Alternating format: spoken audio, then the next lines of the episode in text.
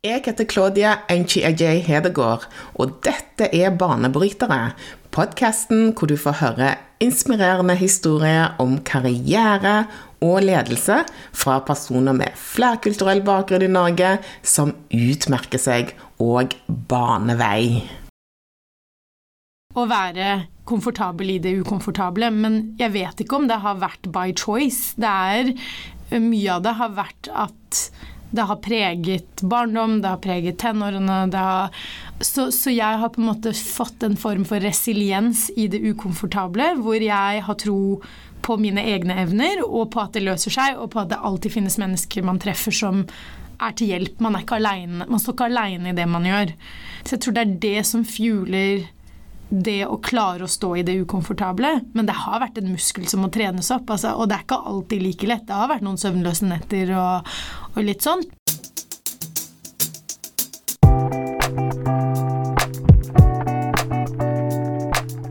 Ukas gjest har et superspennende karriereløp. Nazima Zair, grunnlegger og CEO av Interbridge, en ideell startup som tilbyr ledertrening for å bli endringsagent.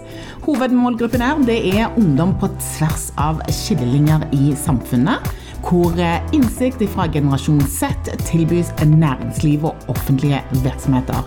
Hun er òg en eh, profilert foredragsholder og kursholder og moderator.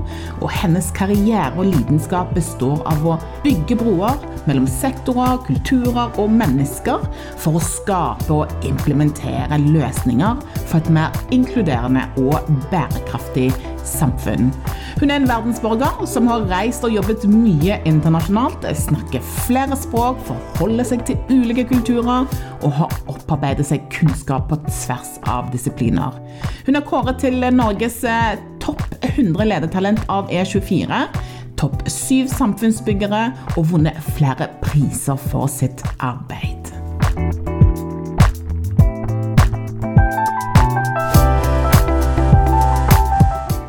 Velkommen til Banebrytere, Nasima. Tusen takk, Claudia.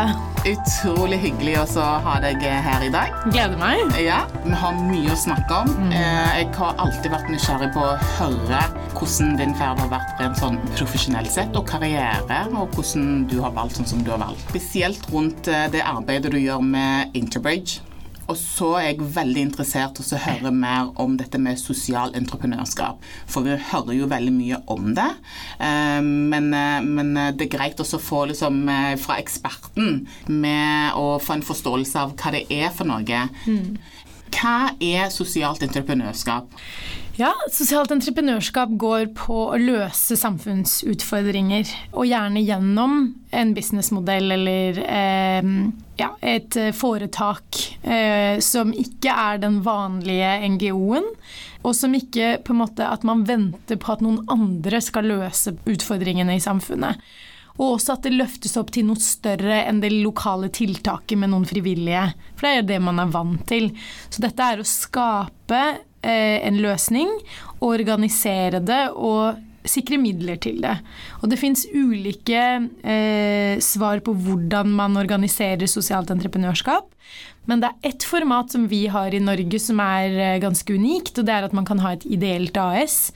Og det er at man organiserer seg som et AS med aksjonærer og kapitalen det tar for å starte opp osv. Og, så og styre men at man ikke tar ut utbytte som eh, eiere. Og at man kan da både ha filantropi og statlige midler, og en businessmodell som genererer midler. Og så er det mange som kan vokse ut fra det.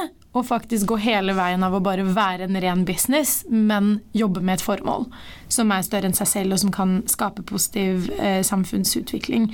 Og det med aksjonærer og investorer og utbytte. Det er mange formater på det, men, men det er å, å, å linke da samfunnsløsninger og business. Mm. Så det går faktisk an å være idealistisk og kommersiell og ha de to ja. tankene i hodet samtidig? Ja, og det er ofte sånn at man ikke har hatt det særlig i Norge, fordi man har gjerne tenkt at det politiske systemet skal ta seg av det, og de har gjort det på en god måte, men det fins jo blindsoner eh, der også, og det fins Entreprenørene ser vinkler og løsninger og kan implementere de, og man trenger de også i økosystemet. Og det har vokst de siste fem årene i Norge.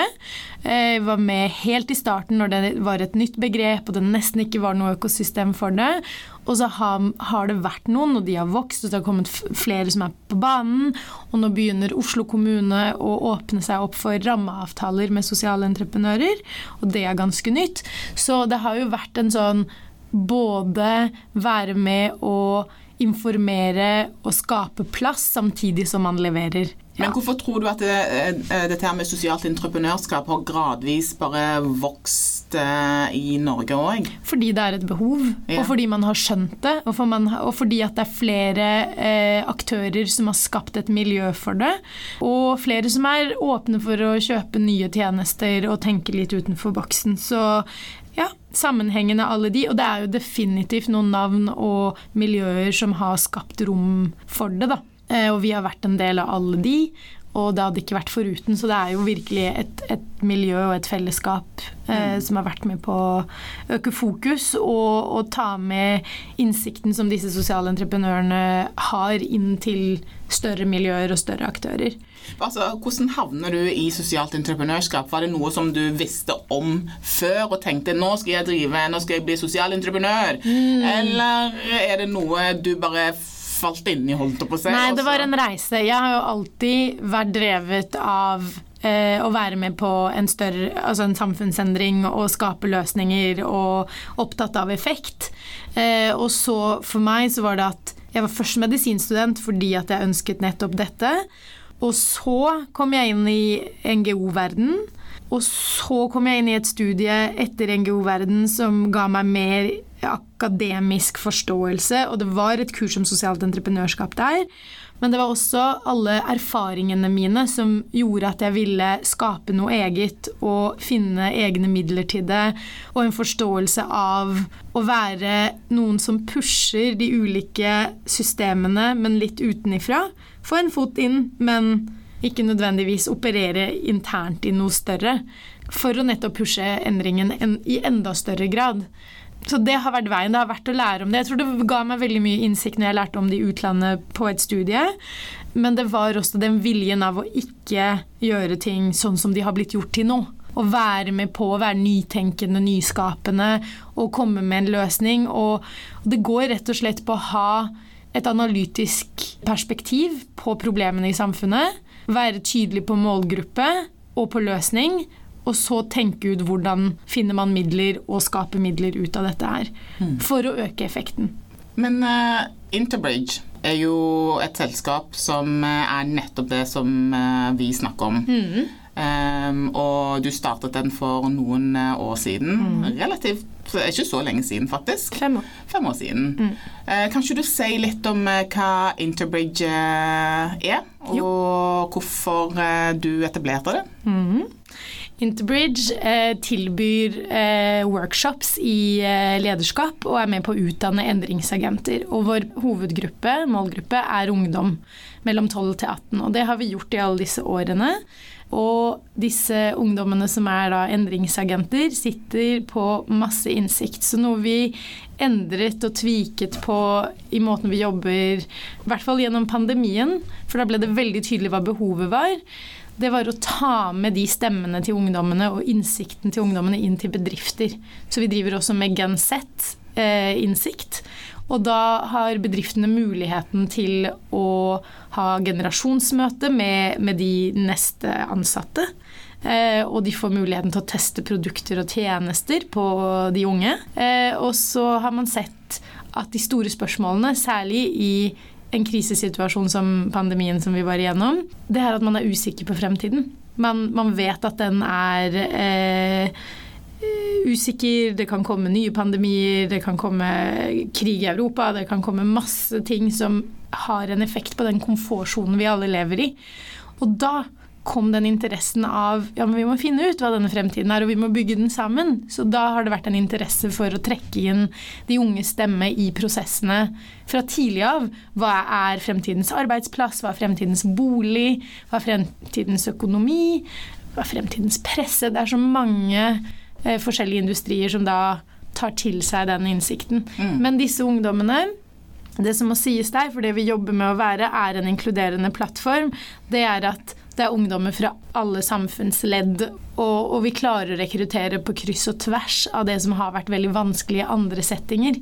Så det er egentlig mangfold i praksis, men vi trenger ikke å snakke så mye om mangfoldsbiten, for vi har gjort det til DNA-et til bedriften. Mm. og og alle som er med, og klart å skape et inkluderende fellesskap. Og det er det som styrker de individene som kommer inn i det. Og nå ekspanderer vi og gir de kursene også til voksne og bedrifter. Og det er kjempespennende. For det handler om å aktivere endringsagentpotensialet i enhver, og det finnes.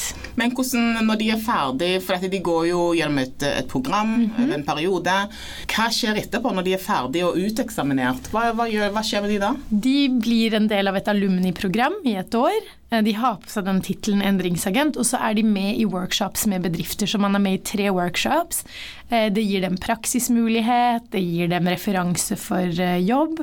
Og så holder vi i communityet vårt med å arrangere ulike events for dem mm. som holder de sammen. Så noen har vært så heldige som at de har fått sett Michelle Obama da hun kom til Oslo. Og så har man hatt inspirasjonsforedrag og yoga ute i parken i samarbeid med, med andre. Og ja, bare holde på community. Eh, og det er gøy å se, for det er en, en god sammensveisa gruppe. Det må jo være veldig givende, da. Kjempegivende, det er derfor kom, jeg gjør det. Ja, ja, for jeg bare tenker at når de kommer inn eh, De er jo veldig unge òg, mm. De kommer inn og helt ferske, og, og, og, så går de ut etter en periode etter uteksaminerer, og så ser du at det sikkert skjer et skifte i dem. Ja, det er kjempevekt, og noe av det er at vi måler effekten også. Eh, og vi jobber med ulike indikatorer på det. Men det mest givende er å se at de årene der, tenårene, og det var derfor jeg valgte det som primær målgruppe. Det er de mest formative årene, men det er også de mest sensitive årene. Så man kan noen ganger ut ifra hvilke muligheter man har rundt seg, og, og hvem det er man henger med, havne i den ene retningen eller den andre. Så det å gi et alternativ og løfte det opp og få kids som ikke hadde møtt hverandre, til å møte hverandre, og skape et nettverk fra tidlig alder og, og, få dem til å løfte blikket og kjenne på at de kan være med å påvirke. De har en stemme. De betyr noe. Å få de positive bekreftelsene i tidlig alder er egentlig mye av det som er en del av oppskriften for suksess senere i livet også. Eh, man trenger det hvis ikke man får det hjemmefra eller på skolen eller hvor enn det er, så, så er det godt å ha et trygt sted som kan gi det. Men nå har du jo eh, drevet den i, i fem år. Mm. Eh, og når vi snakket sånn innledningsvis om sosialt entreprenørskap, eh, mm. og hvordan var det når du starta for fem år siden med å komme i gang med dette her? Det har egentlig vært en oppoverbakke nesten hele tiden. Mm. men, men, starten Altså, jeg, jeg er en type som jeg tror det, det, er veldig basert på personlighet. Jeg satset. Og før det så hadde jeg jobbet eh, selvstendig i et år med et enkeltmannsforetak. Og hadde veldig mange målgrupper som jeg ga lederskapskurs til. Og da var det jo hele siktet. Det var kvinner og flyktninger, og jeg jobbet internasjonalt, og det var kjempespennende. Men jeg følte at hvis jeg skulle klare å ha effekt, så måtte jeg tenke på én målgruppe av gangen. Og så tenkte jeg tilbake til når jeg selv var ung, og når det kunne ha hatt mest effekt, og det var tenårene. Og da bestemte jeg meg for at det var veien å gå. Og det startet med at jeg hadde et team, og vi kjørte alt sammen helt frivillig, uten noe midler. Og holdt en eh, stor konferanse på rådhuset med nesten ikke noe midler. Og så var det på en måte pilotprosjektet som var utgangspunktet for å kunne hente inn litt mer støtte og, og gjøre ting. Men det har Altså, jeg husker at det var tøft. Det var en periode jeg eh, sov på sofaen til en venninne fordi jeg ikke hadde sted å bo ennå. Mm. Eh, så alle tror liksom at entreprenørskap er liksom et glansbilde, og alt går så bra. Men eh, når jeg ser tilbake, så er det både en blanding av at jeg kastet meg inn i et felt som egentlig ikke eksisterte. Og at ikke det var så mye mm, eksisterende midler, for man havnet mellom stoler. Og så var det også at jeg kanskje ikke ja, kunne så veldig mye om det, for min bakgrunn hadde ikke noe med business å gjøre. Men det som var gøy, var at når vi først gjorde dette her, og ble med i en akseleratorprogram som het Game Changer of the Year, så vant vi. Ja. Og, og, vant den første potten på 500 000. Og det kan høres som det er veldig mye midler, men det er egentlig ikke det når man starter opp. Det høres veldig ja, ut, ja. Men, men, det er det man lærer. Ja. Og jeg tror at når man ikke har det kjennskapet til business fra før av, sånn som jeg som kom fra et helt annet felt, da blir dette med kunnskap om penger og budsjetter og hvor mye alt egentlig koster.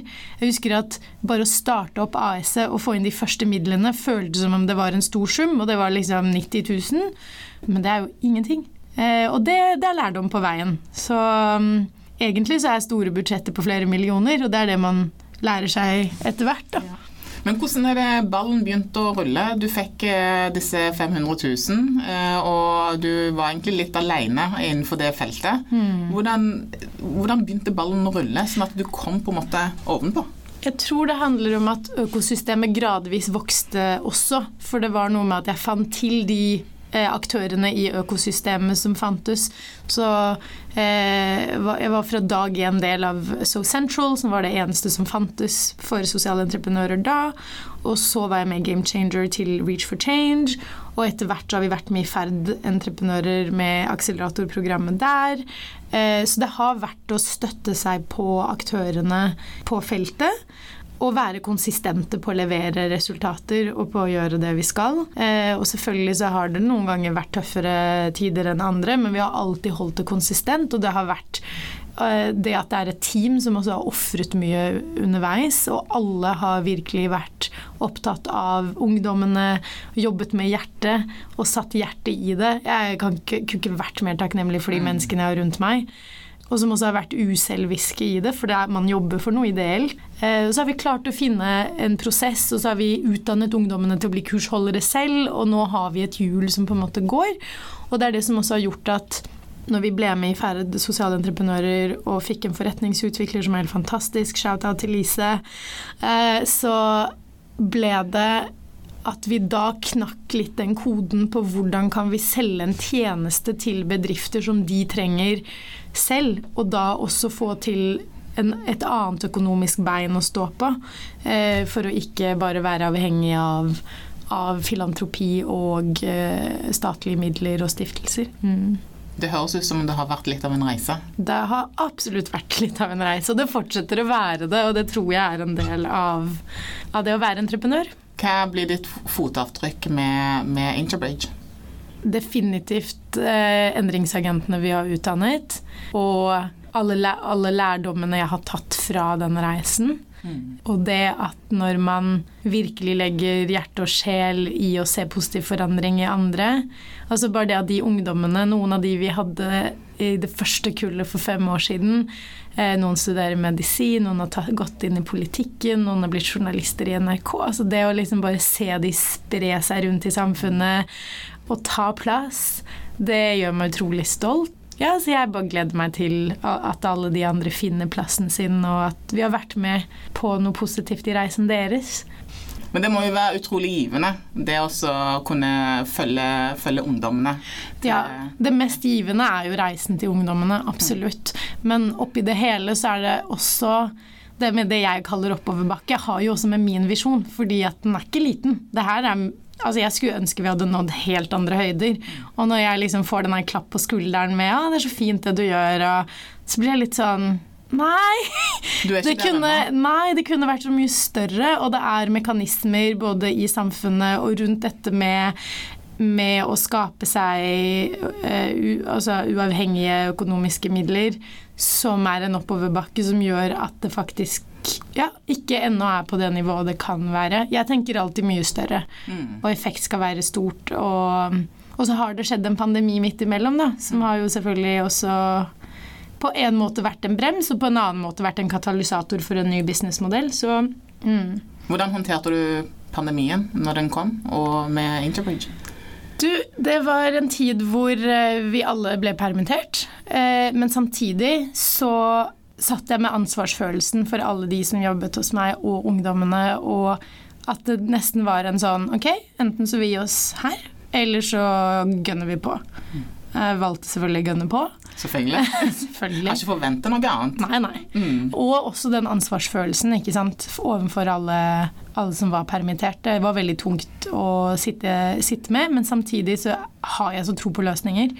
Og jeg er en sånn evig optimist. Noen ganger så lurer jeg på om jeg er det litt for mye. Men uh, ja, det var noe med å finne det å være komfortabel i det ukomfortable. Og så satt jeg dag inn uh, og dag ut på Zoom med forretningsutvikler og gikk rundt den businessmodellen opp og ned og i alle retninger. Og så klarte vi å tvike på det og finne et produkt, og så var det ut og teste. Og det gikk fint, og så har vi bare kjørt på mm. siden. Og alle kom tilbake på jobb, og vi klarte å komme oss ut av krisen. Og det er jo selvfølgelig up and downs allikevel, men, men det var en, en, kneik vi klarte å komme oss over. Gratulerer. Takk. Det er jo kjempebra. Ja. Det er jo ikke bare bare. Det er jo Nei. mange uh, som eh, gikk unna Ja, ja, ja. Og det kunne lett ha skjedd, og jeg skjønner ja. hvorfor. Og Jeg har masse empati for akkurat det, men, men, jeg valgte da at det ikke var tiden ennå. Man vet jo ikke når det blir det heller, men det var ikke tiden da. Vil du, tror du at det vil komme en tid hvor du tenker at det, er her, men ikke lenger, kill your darling? Kan skje. Man, man kan ikke spå fremtiden. Men, eh, men, blir det sånn at man sitter, står fast i en oppoverbakke litt for lenge, og så at man ikke får de resultatene man ønsker, så må man jo stille seg spørsmålet. Og det er jo også en del av entreprenørskap. For når jeg startet, så var det sånn Nei, det er ikke en mulighet. Men med litt mer modenhet så skjønner man at det er det med entreprenører er at man kan feile og starte på nytt og feile og starte på nytt. Og kanskje når man starter på nytt, så starter man bedre. Så det er absolutt mulig. det er ikke noe jeg avfeier. Mm. Du vet når vi snakker karriere og mm. profesjonelle løp, mm. så eh, blir vi ofte lært opp eh, til Eller programmert, kanskje, vil noen si. til å følge en slags oppskrift eh, på hvordan vi skal eh, designe vår karriere, vårt karriereløp. Og ofte så følger man en sånn normale utdanningsløp, man eh, tar en høyere utdanning helst, eh, helst på en kjent skole. og så finne et bra selskap, som man kan eh, liksom klatre oppover the corporate ladder. Og så helst så skal man også være spesialisert innenfor et område, for da er det lettere å bli plassert et sted. Mm. sant? Så dette her eh, for meg er jo det normale oppfatning av hvordan karriere bør designes. Mm. Og så ser jeg på din bakgrunn, Nasima, og da mm. ser jeg at ditt profesjonelle løp passer kanskje ikke helt eh, med eh, denne oppskriften. Mm. Du bryter litt med normen. Eh, du har mange hatter og roller. Du er foredragsholder, du er konsulent, du er ambassadør, du er sosial entreprenør. Mm. Du har veldig mye som du gjør, mm. og det er vanskelig å plassere deg i en boks. Ja, jeg hater bokser. Du hater bokser. ja.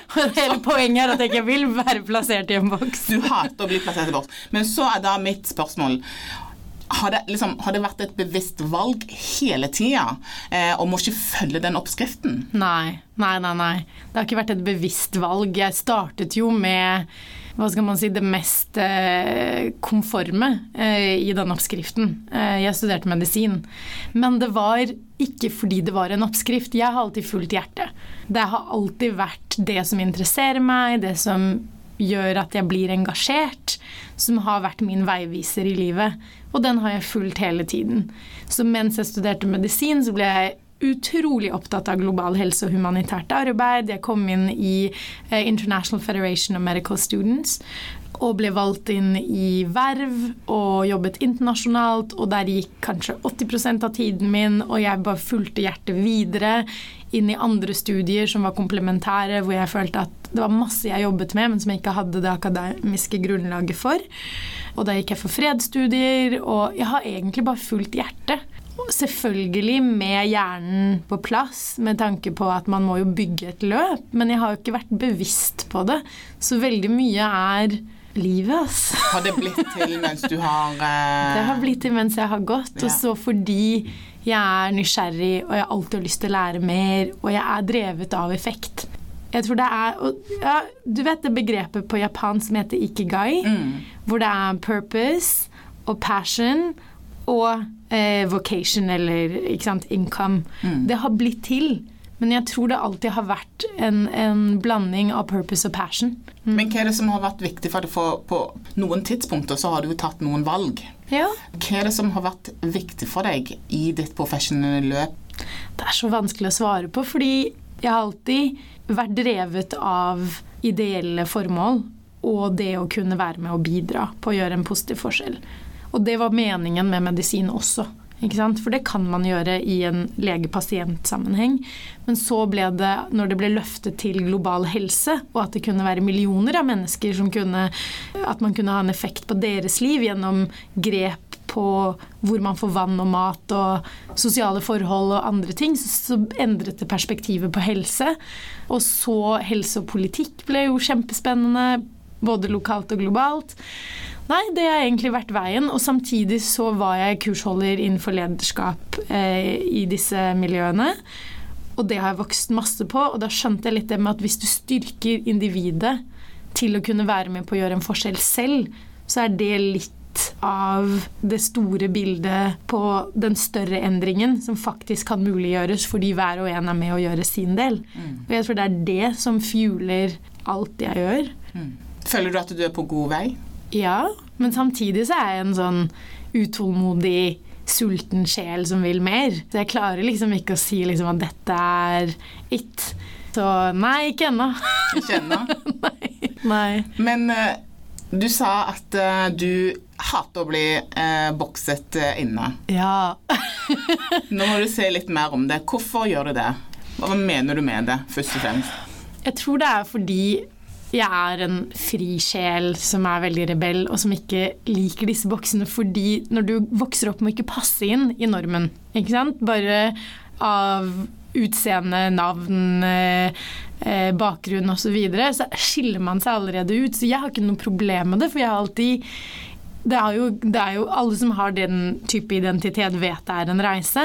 Men jeg har landet på at jeg er kjempekomfortabel i det, og at det er en styrke.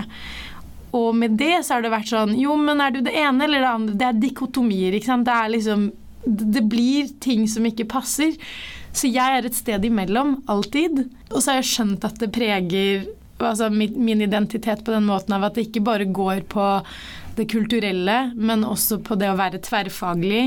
Også på det å ha forskjellige roller. Så det har vokst inn til alt i livet, men det går på den frihetsfølelsen av å kunne definere seg selv. Og ikke være trapped. Jeg tror jeg føler en fysisk greie på Og det å passe inn i en ramme. Jeg blir fysisk dårlig av det. Klestrofobi? Ja, totalt. Ja. Jeg hadde en sånn offentlig sektorjobb i seks måneder mens jeg studerte. Og skjønte på slutten, selv om det var veldig givende, jeg lærte masse, at jeg nesten ble litt deprimert av den fordi det var så A4 og det passer meg ikke. Mm. Så det er noe med å bli kjent med seg selv. For noen er det kanskje det beste som finnes, og det gir trygghet og rammer, og det er det de trenger. Men jeg tror det går på personlighet. Min personlighet trenger noe helt annet. Mm. Jeg trenger frihet til å være kreativ, til å skape, og på mine egne termer. Mm. Så ja. ja. For du sa at eh, du ønsker å være en disruptive force. Mm -hmm. Sounds about right. hva, hva mener du med det? Nei, altså Hvis man skal få til endring, og det er det jeg virkelig eh, brenner for, så må man jo disrupt the norm. Man må disrupt det som er. Og så kan man jo disrupt på en kaotisk måte, eller man kan prøve å disrupt på en, en softere måte. Og jeg har jo valgt den softere måten med at man bygger broer, og at man skaper eh, arenaer hvor folk som er annerledes og ellers ikke hadde møttes, møtes. Om det er ungdom seg imellom eller generasjoner. Og, og baker inn det kulturelle aspektet uten å gjøre en stor greie av det.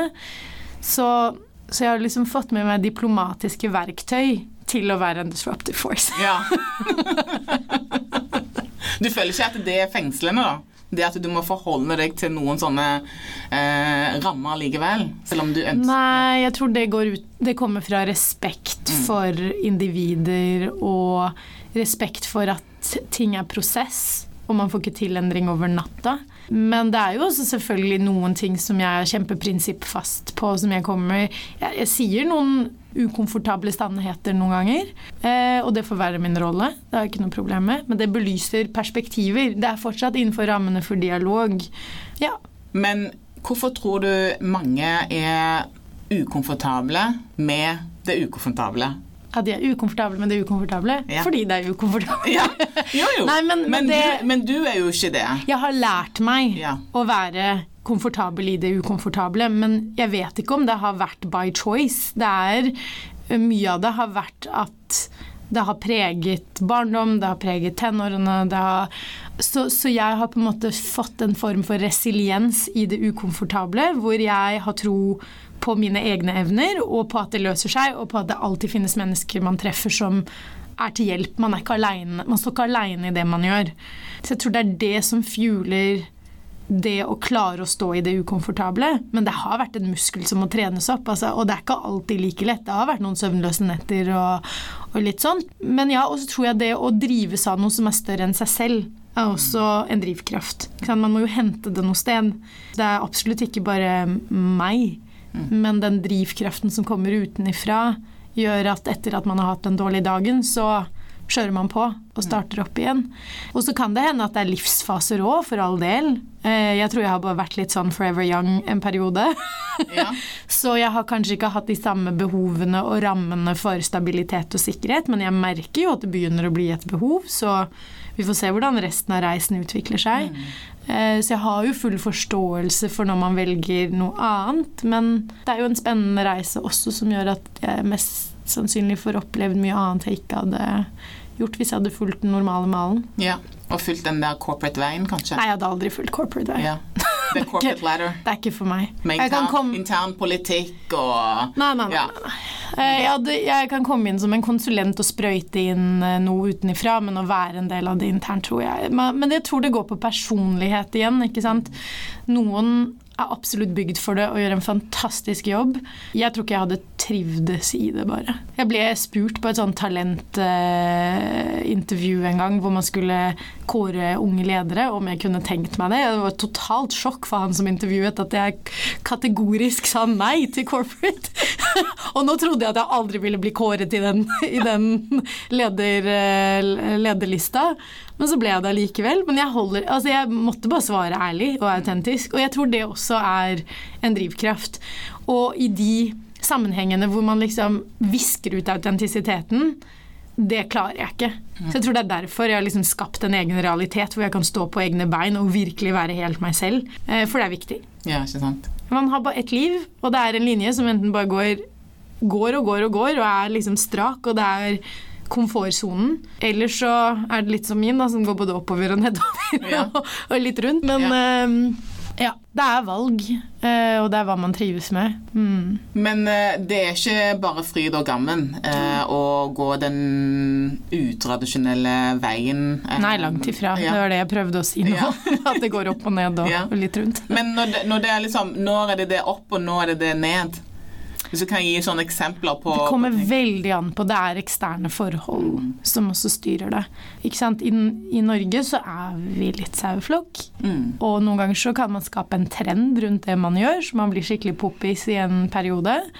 Eh, og så er det en ny trend som kommer, og så er det noe annet som er litt mer eh, aktuelt. Og, og, så er det ting utenfor vår kontroll, som f.eks. en pandemi. Eh, det kan komme økonomiske kriser i fremtiden. ikke sant? Det er litt det med at det er eksterne forhold som også er med og styrer mm. eh, det man gjør, da. Mm.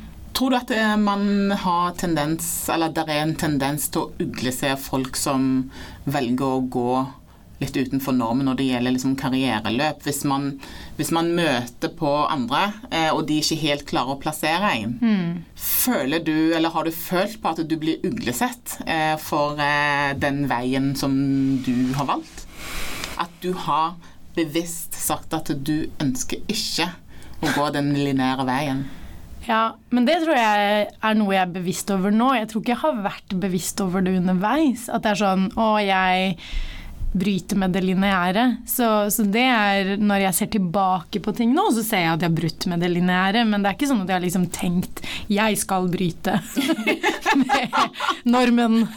Eh, så, det, så, det, er mer sånn etterpåklokskap. Eh, men om det er uglesett Jeg tror det bare man, Jeg får mye spørsmål. Og særlig kanskje av de som skulle ønske de gjorde mer av det selv, eh, men ikke har turt. Mm. Fordi de som er lineære, de bare tenker at ja, ja, du holder på med ditt. Og, og, så tror jeg også har en sånn eh, mekanisme for at jeg ikke bryr meg så veldig mye om hva andre mener. Mm. Og det trenger man i det å bryte med det lineære. Du kan ikke både være opptatt av å være likt og akseptert og alt det.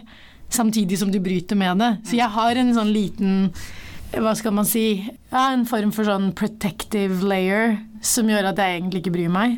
Eller lært meg å ikke bry meg, da. Fordi hvis man ikke har blitt akseptert som barn bare pga. hvordan man ser ut, det er den biten med resiliens på at som voksen så sitter jeg ikke og venter på aksept. Mm. Jeg tror det, det, hjelper litt når man står i, i sånne, sånne valg. Men det er igjen fordi at aksepten kommer fra innsiden. Yeah. Og den har kommet av nærmiljøet, og den har kommet av de jeg mener er viktige. Så da For vi er mennesker, vi speiler hverandre. Det er ikke sånn at det går an å ikke få noe form for aksept. Men når i mitt uvanlige karriereløp har likevel fått til ting og vunnet priser, fått midlene, laget et produkt, fått det eh, kjøpt av store kunder, så skjønner man jo at det er noe man gjør som er riktig, og så er det effekten hos ungdommene som vi måler. Så jeg følger det som en form for eh, speil på om det er aksept og om det er bra nok. Mm. Det er der det ligger, ikke i hva XYZ på gata mener. Eh, for man kommer aldri til å bli likt av alle, og man kommer aldri til å make sense for alle. Og så kommer spørsmålene rundt de, den friheten dette gir, da. På hvordan får du det til? Så tenker jeg, men det, det er nettopp fordi det ikke er det vanlige løpet. Um, og du får lov til å definere det sjøl? Ja, ja, og jeg har behov for det. Mm. Jeg har behov for den definisjonsmakten.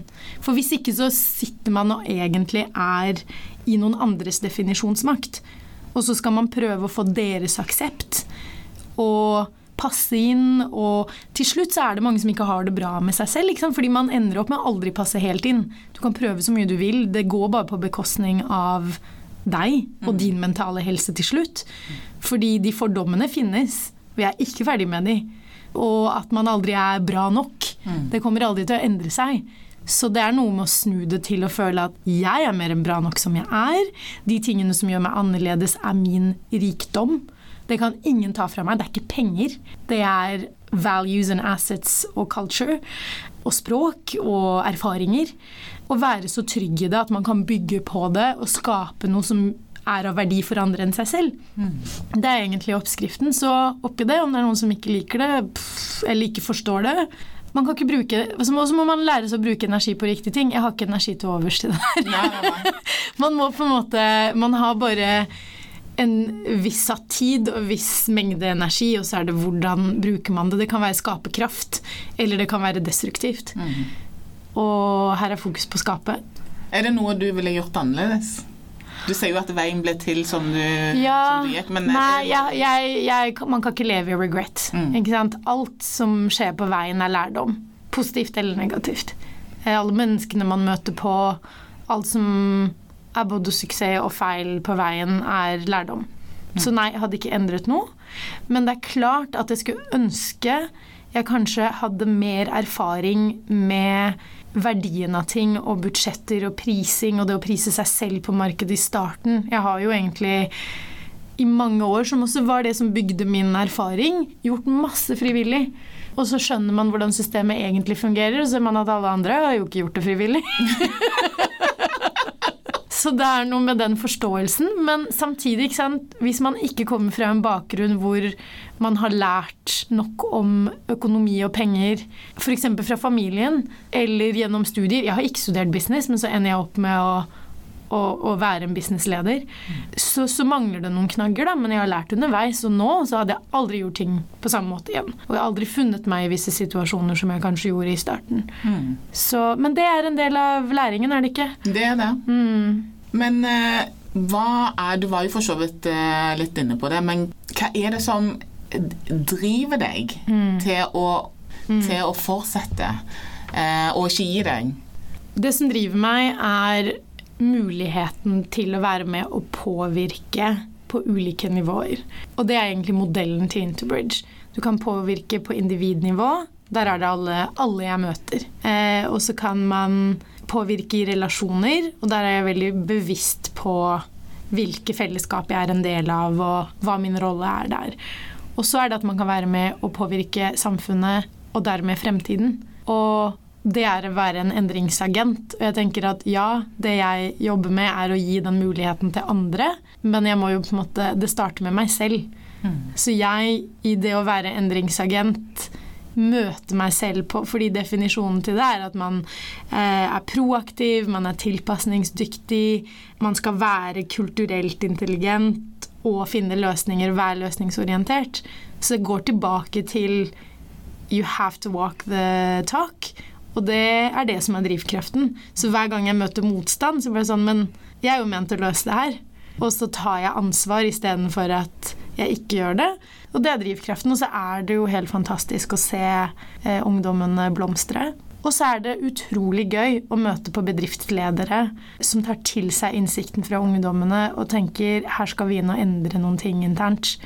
Vi må inn og snakke med HR og endre den eh, rekrutterings eh, strategien vi har, eller ja, fremtidens bolig. Ja, det er det ungdommene ønsker. Ok, la oss snakke med arkitektene og starte eh, fra scratch og, og, ta det inn. Så, så, det er de prosessene der som er, er givende. Mm. Mm. Og så er det jo neste steg for deg, da. Mm. Du, det er eh, noe vi skal lansere veldig veldig snart, men da er dette her før lansering. Ja. vi jobber med et endringsagentkurs for voksne. Vi har alltid jobbet med ungdom frem til nå, så det er så gøy å, å jobbe med markedsføringen av det og kunne bare få en større målgruppe og mm. se endringsagenter i ulike industrier og ulike felt i livet. Og det er gøy.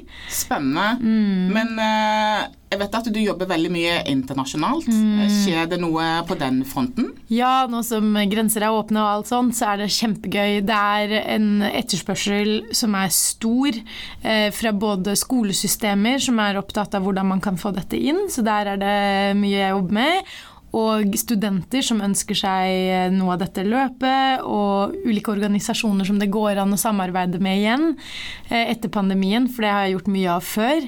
Jeg, og det gir meg så mye å kunne ha det aspektet av både lokalt og globalt arbeid. Trives så enormt mye i begge deler, men, men det, det, er veldig givende å jobbe globalt. Så det er i gang igjen, og elsker det, og det er gøy. Eh, og hvert land har på en måte sine egne Eh, normer og kulturer og ting man må ta tak i og, og tilpasse seg. Og elsker å lære om det og, og, jobbe med designprosess av kurs som passer inn mm. i de ulike stedene. Det er veldig gøy. Så la oss si at fremtiden er åpen og positiv. Jeg gleder meg til å følge veien videre. Takk. Tusen takk for at du kom eh, i dag, Nasima. Takk, Claudia. Det her var gøy. Ja, veldig gøy.